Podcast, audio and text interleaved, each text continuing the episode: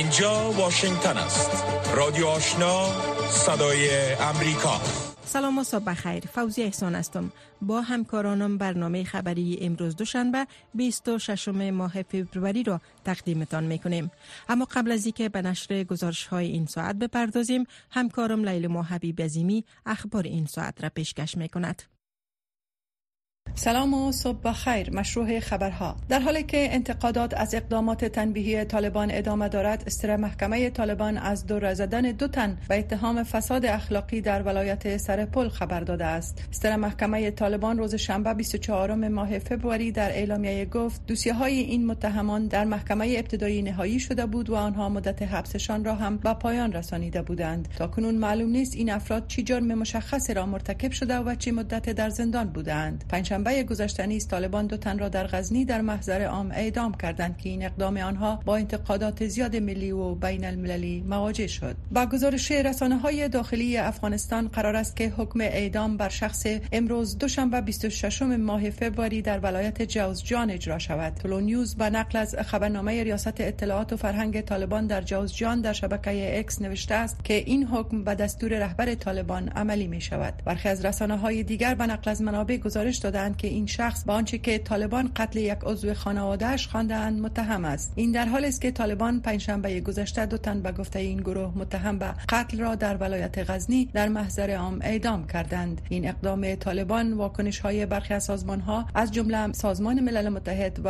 عفو بین الملل را به دنبال داشت. این سازمان ها از طالبان خواستند که مجازات اعدام را متوقف سازند. هنوز مشخص نیست که روند محاکمه متهمین چقدر عادلانه بوده و آیا وکیل مدافع داشتند. یا خیر؟ طالبان روند اعدام ها را پس از نشست دوحه از سر گرفتند. این نشست درباره افغانستان به میزبانی انتونیو گوترش سرمنشی سازمان ملل متحد بر روزهای یکشنبه و دوشنبه هفته گذشته برگزار شد. طالبان نیز به این نشست در دوحه دعوت شده بودند اما در آن اشتراک نکردند. قرار است شورای امنیت سازمان ملل متحد امروز دوشنبه 26 ماه فوریه درباره وضعیت افغانستان پشت درهای بسته بحث کند. این شورا در وبسایتش نگاشته است که این جلسه با حضور اعضای این شورا و انتونیو گوترش منشی عمومی سازمان ملل متحد ساعت ده قبل از ظهر با وقت نیویورک آغاز شود و گفته این شورا در این جلسه در مورد نماینده ویژه منشی عمومی سازمان ملل متحد برای افغانستان نیز بحث و رایزنی صورت خواهد گرفت. نصیر احمد فایق سرپرست نمایندگی دائمی افغانستان در ملل متحد به تولون نیوز گفته است که در این جلسه درباره قطعنامه 2721 شورای امنیت نیز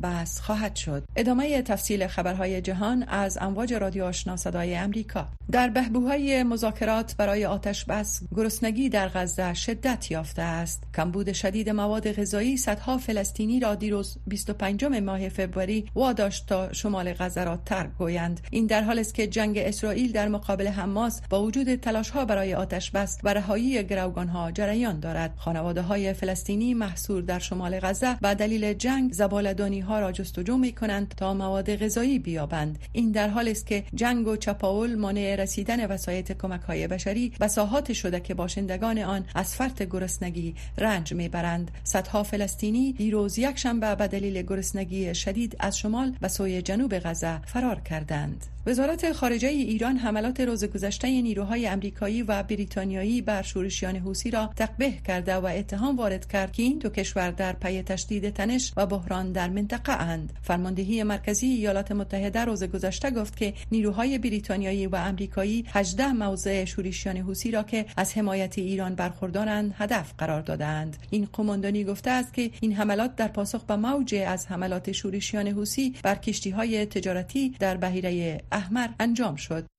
پس از مذاکرات به میانجیگری امریکا، مصر و قطر در فرانسه، رهبران اسرائیلی به آزادی ها از نزد حماس و آتشبس خوشبینی نشان داده و کابینه جنگ اسرائیل در نشست پیشرفت تیم مذاکره کننده اسرائیلی را که دوباره به کشورشان برگشتند مورد بررسی قرار داد. یک هیئت اسرائیلی به رهبری دیوید بارنیا، رئیس موساد یا اداره استخبارات اسرائیل به پاریس سفر کرده بود تا در مورد آزادی ها و آتشبس در غزه با میانجیگران گفتگو کند. مقام ها و رسانه های محلی گفتند که کابینه اسرائیل پس از بررسی پیشنهادها با اعزام مذاکره کنندگان به قطر برای ادامه گفتگوها به هدف تضمین آتش بس در جنگ علیه حماس و بازگرداندن گروگان های اسیر شده در غزه موافقت کرد. رئیس جمهور ولودیمیر زلنسکی در دومین سالگرد تهاجم روسیه با اوکراین از همه کسانی که از اوکراین حمایت کردند سپاسگزاری کرد. و گفت به دلیل همکاری آنها میلیون ها تن در اوکراین و در کشورهای همسایه اطراف روسیه احساس می کنند که وطن آنان به حویلی خلوت پوتین تبدیل نخواهد شد. با آغاز دومین سال روز آغاز اشغال اوکراین توسط روسیه که تاکنون هزاران تن کشته شده و میلیون ها تن مهاجر گردیدهاند جستن ترودو صدر اعظم کانادا که به مناسبت دومین سالگرد تهاجم غیر موجه روسیه بر اوکراین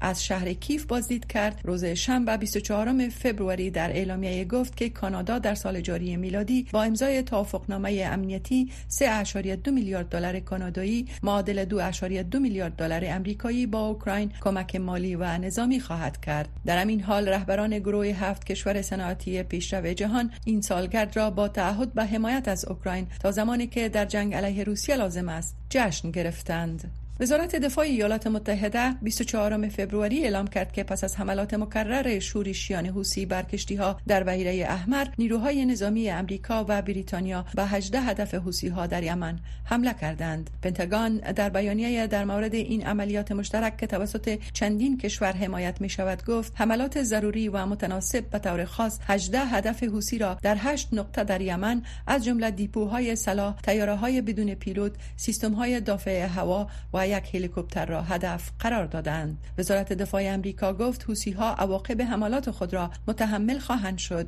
این بیانیه مشترکاً توسط استرالیا، بحرین، دنمارک، کانادا، هلند و نیوزیلند امضا شده است. دونالد ترامپ رئیس جمهور پیشین ایالات متحده روز شنبه 24 فوریه برنده انتخابات مقدماتی حزبی جمهوری خواهان در ایالت کارولینای جنوبی شد و نیکی هیلی رهبر هم حزبی خود را شکست داد. هیلی از سال 2011 الی 2017 والی این ایالت بود. با پیروزی در ایالت کارولینای جنوبی ترامپ یک گام دیگر به نامزدی حزب جمهوری خواه برای انتخابات ریاست جمهوری سال 2024 نزدیکتر شد. ترامپ پیش از این در ایالت های آیووا، نیوهامشر، نیوادا و ورجین آیلندز انتخابات مقدماتی درون حزبی را برنده شده بود. انتخابات مقدماتی ایالت کارولینای جنوبی از لحاظ تاریخی برای جمهوری خواهان حایز اهمیت است. جو بایدن رئیس جمهوری ایالات متحده فرود سفینه فضایی امریکایی را بر سطح محتاب گام هیجان انگیز در عصر جدید اکتشافات فضایی خواند. رئیس جمهور بایدن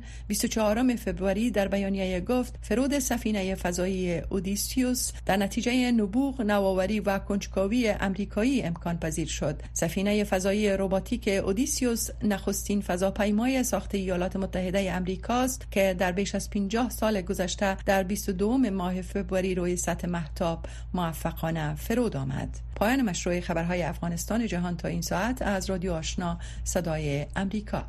شنونده های گرامی خبرهای افغانستان منطقه و جهان را از رادیو آشنا صدای امریکا شنیدید. اکنون می‌پردازیم به نشر گزارش های این ساعت. اردوی اسرائیل امروز یکشنبه تصاویر ویدیویی را نشر کرد که نشان می دهد تاسیسات شبه نظامیان در غزه را هدف حمله قرار داده است.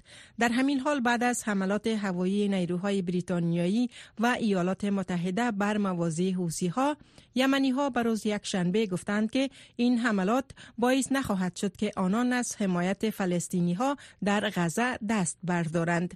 توجه کنید به گزارش در این مورد. جنگ میان اسرائیل و حماس در غزه پس از آنکه رهبران اسرائیل به روز شنبه برای شنیدن های احتمالی در مذاکرات میانجیگری شده در مورد رهایی ها و آتشبس جدید در غزه نشستی تشکیل دادن نیز ادامه یافت. این در حال است که حدود پنج ماه بعد از جنگ فلسطینی ها شاهد هیچ تغییری در وضعیت نبودند. قبل از این حماس رهایی 130 گروگان اسرائیلی را مشروط بر رهایی هزاران تن از زندانیان جنگجوی فلسطینی و ختم حملات اسرائیل به غزه کرد. جنگی که طبق گزارش مقامات صحی غزه حدود سی هزار نفر در آن کشته شدند. اسرائیل به صورت آشکار رهایی این تعداد بزرگ زندانیان را رد کرده و گفته است که هر توقف در جنگ تا نابودی کامل حماس موقتی خواهد بود. به اساس معلومات مقامات صحی فلسطینی تا کنون در حمله اسرائیل به غزه سی هزار تن کشته شدند. از سوی دیگر بعد از حملات هوایی نیروهای بریتانیایی و ایالات متحده بر موازی حوسی ها یمنی ها به روز یکشنبه گفتند که این حملات باعث نخواهد شد که آنان از حمایت فلسطینی ها در غزه دست بردارند. ما از حملات شما نمی ترسیم ما با تمام توانی که داریم به حمایت از غزه ادامه خواهیم داد. این تازه ترین اقدام نظامی علیه گروه مرتبط به ایران است که به حمله به کشتی های تجاری در منطقه ادامه داده است. یک شهروند دیگر یمن گفت این حملات سالها به این طرف ادامه داشته است. ما از این حملات که ما را هدف قرار می دهد نخواهیم ترسید و ناامید نخواهیم شد. نه سال است که آنان به ما حمله می کنند و ما نخواهیم ترسید. اگر خواست خدا باشد ما برای غزه و فلسطین پیروز می شویم ایالات متحده تقریبا روزانه حملات هوایی را علیه حوسی ها که بخش های پرجمعیت یمن را تحت کنترل دارد انجام می دهد. این حملات تاکنون نتوانسته منجر به توقف حملات حوسی ها شود که سبب برهم خوردن تجارت جهانی و افزایش نرخ حمل نقل تجارت بحری شده است.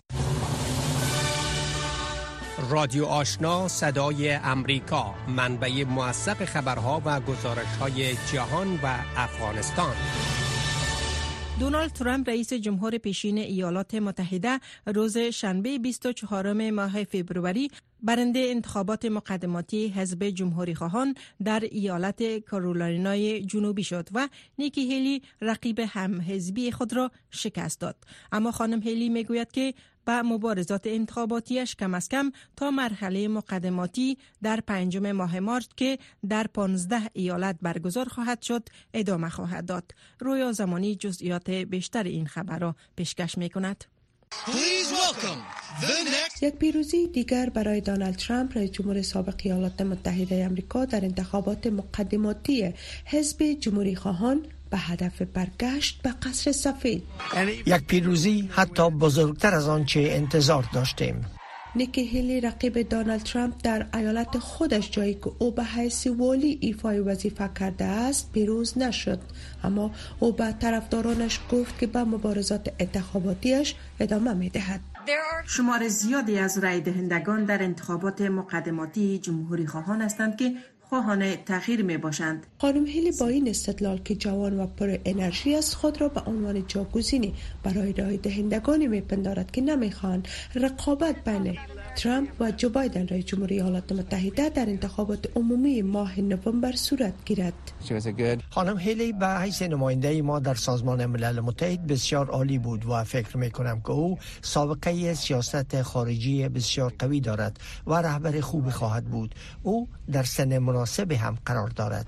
اما شمار دیگری از رای دهندگان در کارولینای جنوبی در حالی که از گفتن این که به چی کسی رای دادن خودداری می کنند هیلی را به عنوان بخش از تشکیلات سیاسی مورد انتقاد قرار دادند. خانم هیلی به نوع برای پول کار می کند. نظرات او بر اساس سهم بزرگتر تغییر می کند و هر کسی که بیشتر به او پرداخت می کند اینجاست که رای او نیز به همان سمت می رود. اما حامیان ترامپ در این ایالت می‌گویند که مبارزات ترامپ در انتخابات 2024 برای کسب قدرت نه بلکه برای مردم است. Um, برگشت به اقتصاد بهتر. آزادی رهایی از شر افرادی که مرتکب جنایات می شوند مانند این حکومت فعلی. پیروزی برای هیلی در ایالت خودش می توانست شانس نامزدی وی را افزایش دهد. اما هیلی امیدوار مرحله مقدماتی پنجم مارچ می باشد که به نام سوپر سه شنبه به یاد می شود و در آن انتخابات درون حزبی در 15 ایالت و یک قلمرو امریکا صورت می گیرد که بیش از یک سوم نمایندگان مورد نیاز برای نامزدی ریاست جمهوری حزب جمهوری خواه را فراهم می سازد. حامیان هیلی در کارولینای جنوبی می گویند که او طرفدار زیادی در سراسر کشور خواهد داشت. اما سوی هم شمار از رای دهندگان در این ایالت می‌گویند که حتی اگر ترامپ پیشتاز هم باشد چهار قضیه محکمه جنایی علیه او می‌تواند پویایی رقابت را تغییر دهد. رادیو آشنا صدای امریکا. پنج تا هفت صبح و هفت شام تا ده شب. تازه ترین خبرها و گزارش ها در ایالات متحده یک وکیل مهاجرت می گوید که افغان ها از طریق برنامه به خانه خوش آمدید می توانند عزیزان خود را برای مهاجرت به ایالات متحده سپانسر شوند یا دعوت کنند. دیبا انوری وکیل مهاجرت در ایالت ویرجینیای امریکا می‌گوید که شماری از درخواست های اقامت بشری مقت پس از دو سال پذیرفته شدند و اضافه کرد که با آنکه پروسه پذیرش درخواست های پناهندگی افغان ها در سیستم مهاجرت امریکا به کندی به پیش می رود اما این تقاضاها رد نمی شوند با مصاحبه ژیلا نوری با دیبا انوری در این مورد توجه کنید. پروگرام که میگن کور پروگرام وزارت خارجه امریکا که نو شروع کرده بودن کسی اجازه نداشت نداشتن کس مثلا فامید خود از ثبت نام کنن روستا را هر کس که نوبتشون رسیده بود یک بیگانه را می‌تونستن سپانسر کنن کمک کنن امرایشان فعلا پروگرام تغییر دادن و مخصوصا وطندارا فامی دارن در کشورهای سیومی و فامیل خود ثبت نام کردن امرای UNHCR United Nations. می‌تونن چکنن درخواست کنن و فامیل یک موضوع مهم است تاریخ مهم است. کسی که قبلا از سی سپتامبر آخرای سپتامبر ماه نوم 2023 خود ثبت نام کردن امرای UNHCR و میشن شامل از این پروگرام واکم کور اگر بعد از تاریخ سی سپتامبر خود ثبت نام کرده باشن متاسفانه این درخواست واکم کور برشان نمیشه دیبا شما در مورد افرادی که به تقاضای اقامت مقت بشری کرده بودن از داخل افغانستان و کسایی که اینجا با اقامت مقت بشری هستند هم تقاضای پناهندگی دادن. در این مورد معلومات تازه چی دارین؟ معلومات است که افغان ها باید رو بفهمن؟ و بسیار وقت که شده درخواست این پروگرام اک نو دفتر مجین دولت امریکا شروع کردن. نو دولت خود کرده بود یک رقم افغان امیدوار ساختن که این یک راه است می‌تونن کمک کنن. همراه فامیل همراه دوستا. باز درخواسته که نو به دفتر ماجی نسته بود. و زمان سال 2021 ما که دیدیم یا نتیجه نمی‌دادن یا بالاخره رد می شدن و سر از پارسال تغییرات آوردن در قانون. و این تاثیر محکم است ما وکیلا مخصوصا وکیلا کمرای American Immigration Lawyers Association ما کار می‌کنیم. ما مجبور شدیم محکمه رفتیم شکایت کنیم و محکمه پیشکازی رفتیم دعوا کنیم که درخواست را باید دولت قبول کنند. میلیون و میلیون دلار گرفتن از افغان و باز دیدیم که اکناق رد میشن درخواستان سر از پارسال قانون تغییر دادن و این درخواستان نتیجه میتن مخصوصا درخواست قوی باشه. کس که فامیلشان هم رای می‌کنه کار کردن کمک کردن. افغان ها می‌پرسن که پروگرام بشر دوستانه Humanitarian Parole که میگن امریکا این پروگرام بشر دوستانه واز هستن یا بسته شده؟ نه پروگرام واز هستن درخواست نو می‌تونین برای فامیل. و سر از پارسال 2023 ما که دیدیم درخواستان نتیجه میده نتیجه مثبت. کسانی که اقامت مقت بشری تقاضا کردن و بیشتر از دو سال منتظر ماندن آیا افراد می‌تونن که به محکمه فدرال شکایت کنن و کیس مهاجرت خود ببرن؟ چقدر امکانات پذیرش از افراد وجود داره و شما اشاره کردین که فقط برای کسایی است که اسایوی دارن یا کسایی که از طریق خانواده بر از خانواده خود تقاضای پناهندگی کردن. بر سایر افراد چه اجرات در محکمه فدرال وجود داره؟ بله شکایت که میگم به محکمه. و محکمه میشه. ام به درخواست بشر دوستانه. اگر بسیار وقتی شود طولانی سر از وان باز راجین کمرای ما کار می‌کنن. درخواستای اسایوی دارن افغان اسایوی که سه سال چهار سال پنج سال و در چیجان هستن. نتیجه معلوم نه کس که تابعیت امریکا دارن درخواست مندازه و مادر پدر درخواست بسیار وقتی که و ما و محکمه شکایت می‌کنیم.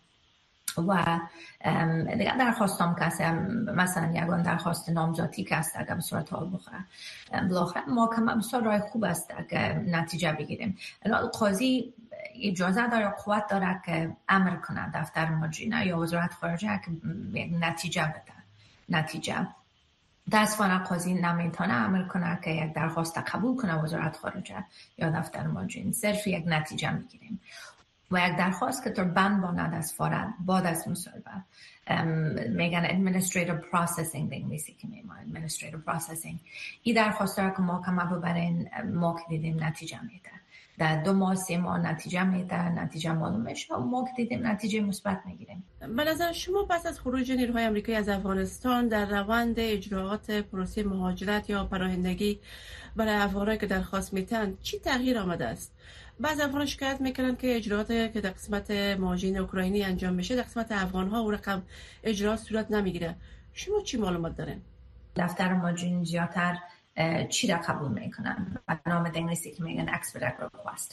Expedite request مانا میده که یک درخواست در جریان مانده می‌تونیم خط یا ایمیل روان کنیم به دفتر مهاجرین و وزارت خارجه برشان تشریح کنیم که آدم یا تناست یا زهیر است یا خدا اکتام تکلیف داره تدوی کار داره و بالاخره زودتر نتیجه می‌گیریم.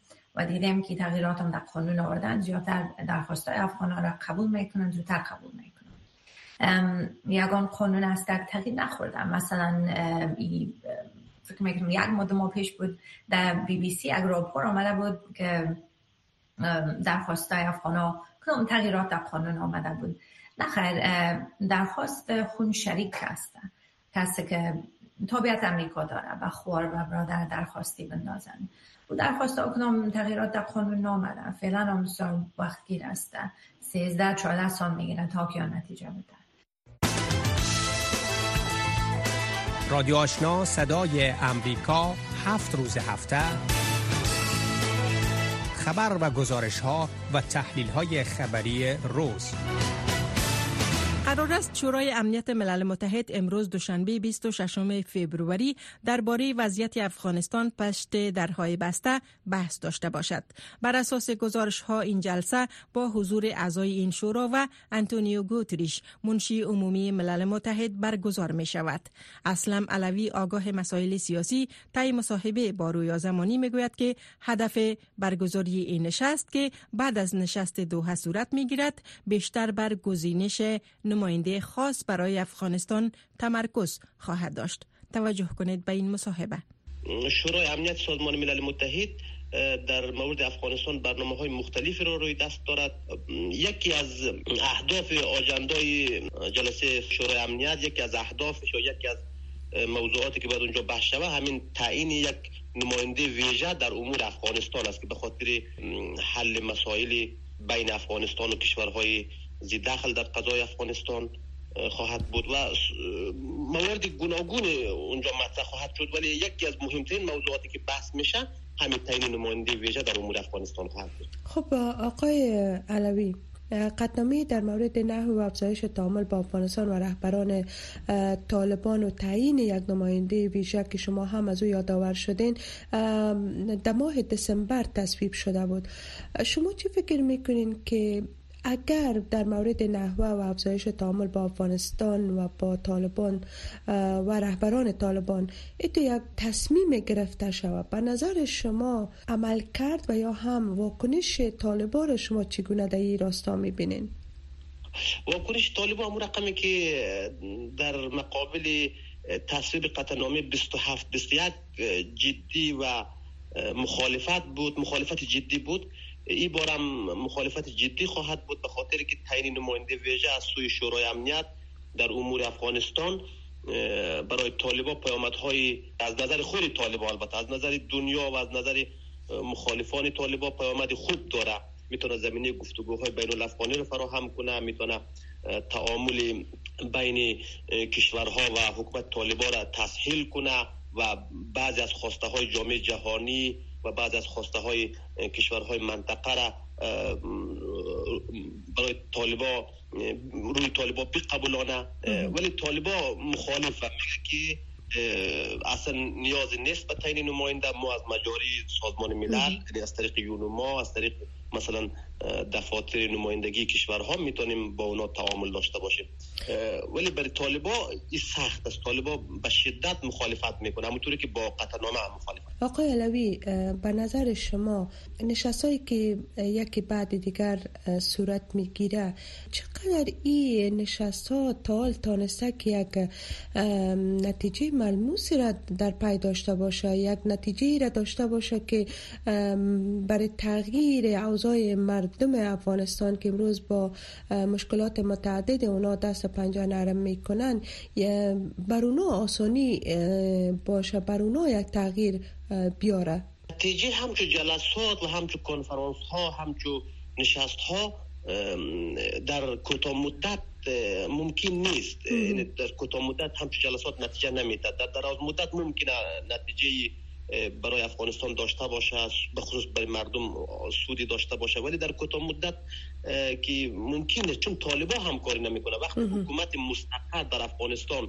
با همچو جلسات همچو کنفرانس های بین المللی همچو تصمیم گیری های کشورهای مختلف همراهی نکنه و در کشوری که او حکومت داره بر مردم حکومت می‌کنه دیگه نمیشه که تغییری در وضعیت زندگی مردم بیاید.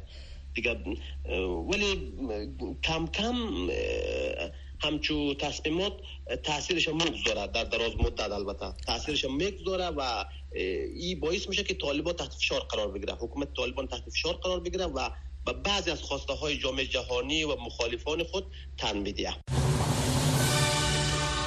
رادیو آشنا صدای امریکا. پنج تا هفت صبح و هفت شام تا ده شب. تازه ترین خبرها و گزارش ها مقامات ایران مدعیند که میلیون ها شهروند افغانستان به دلیل بحرانی که ایالات متحده در این کشور ایجاد کرد به ایران مهاجرت کردند. به گفته این مقامات برخی حلقات می خواهند که میان مردم دو کشور فاصله ایجاد کنند. به شرح گزارشی در این مورد توجه کنید. حسن کاظمی قومی نماینده رئیس جمهور ایران برای افغانستان و سفیر این کشور در کابل ادعا کرده است که همکنون 6 میلیون مهاجر افغان در ایران به سر می‌برند. کاظمی قومی در گفتگو با خبرگزاری دانشجوی ایران در تهران گفته است که دلیل مهاجرت افغانها به ایران ناشی از ایجاد بحران در افغانستان توسط ایالات متحده است. نماینده رئیس جمهور ایران برای افغانستان تاکید کرده است که باید شرایط در افغانستان ایجاد گردد که بخشی از این مهاجرین به کشورشان برگردند. همچنان کاظمی قومی مدعی شد که دشمن ایران می‌خواهد که با تلقین برخ موضوعات میان ایرانی ها و مردم افغانستان فاصله ایجاد کند. اینها بحران سازند. اینها امنیت ملی ما رو نادیده می‌گیرند. اینها دچار این هستند که امنیت داخلی رو خدشه ایجاد کنند. اینها آمدن که فضاهای اقتصاد کشور رو بگیرن. دشمن به دنبال تلقین این مسائل هست. در چه ناحیه و منطقه این کار رو می‌تونه بکنه؟ در داخل کشور. این خطی که دارن دنبال می‌کنن شکار ایجاد درگیری.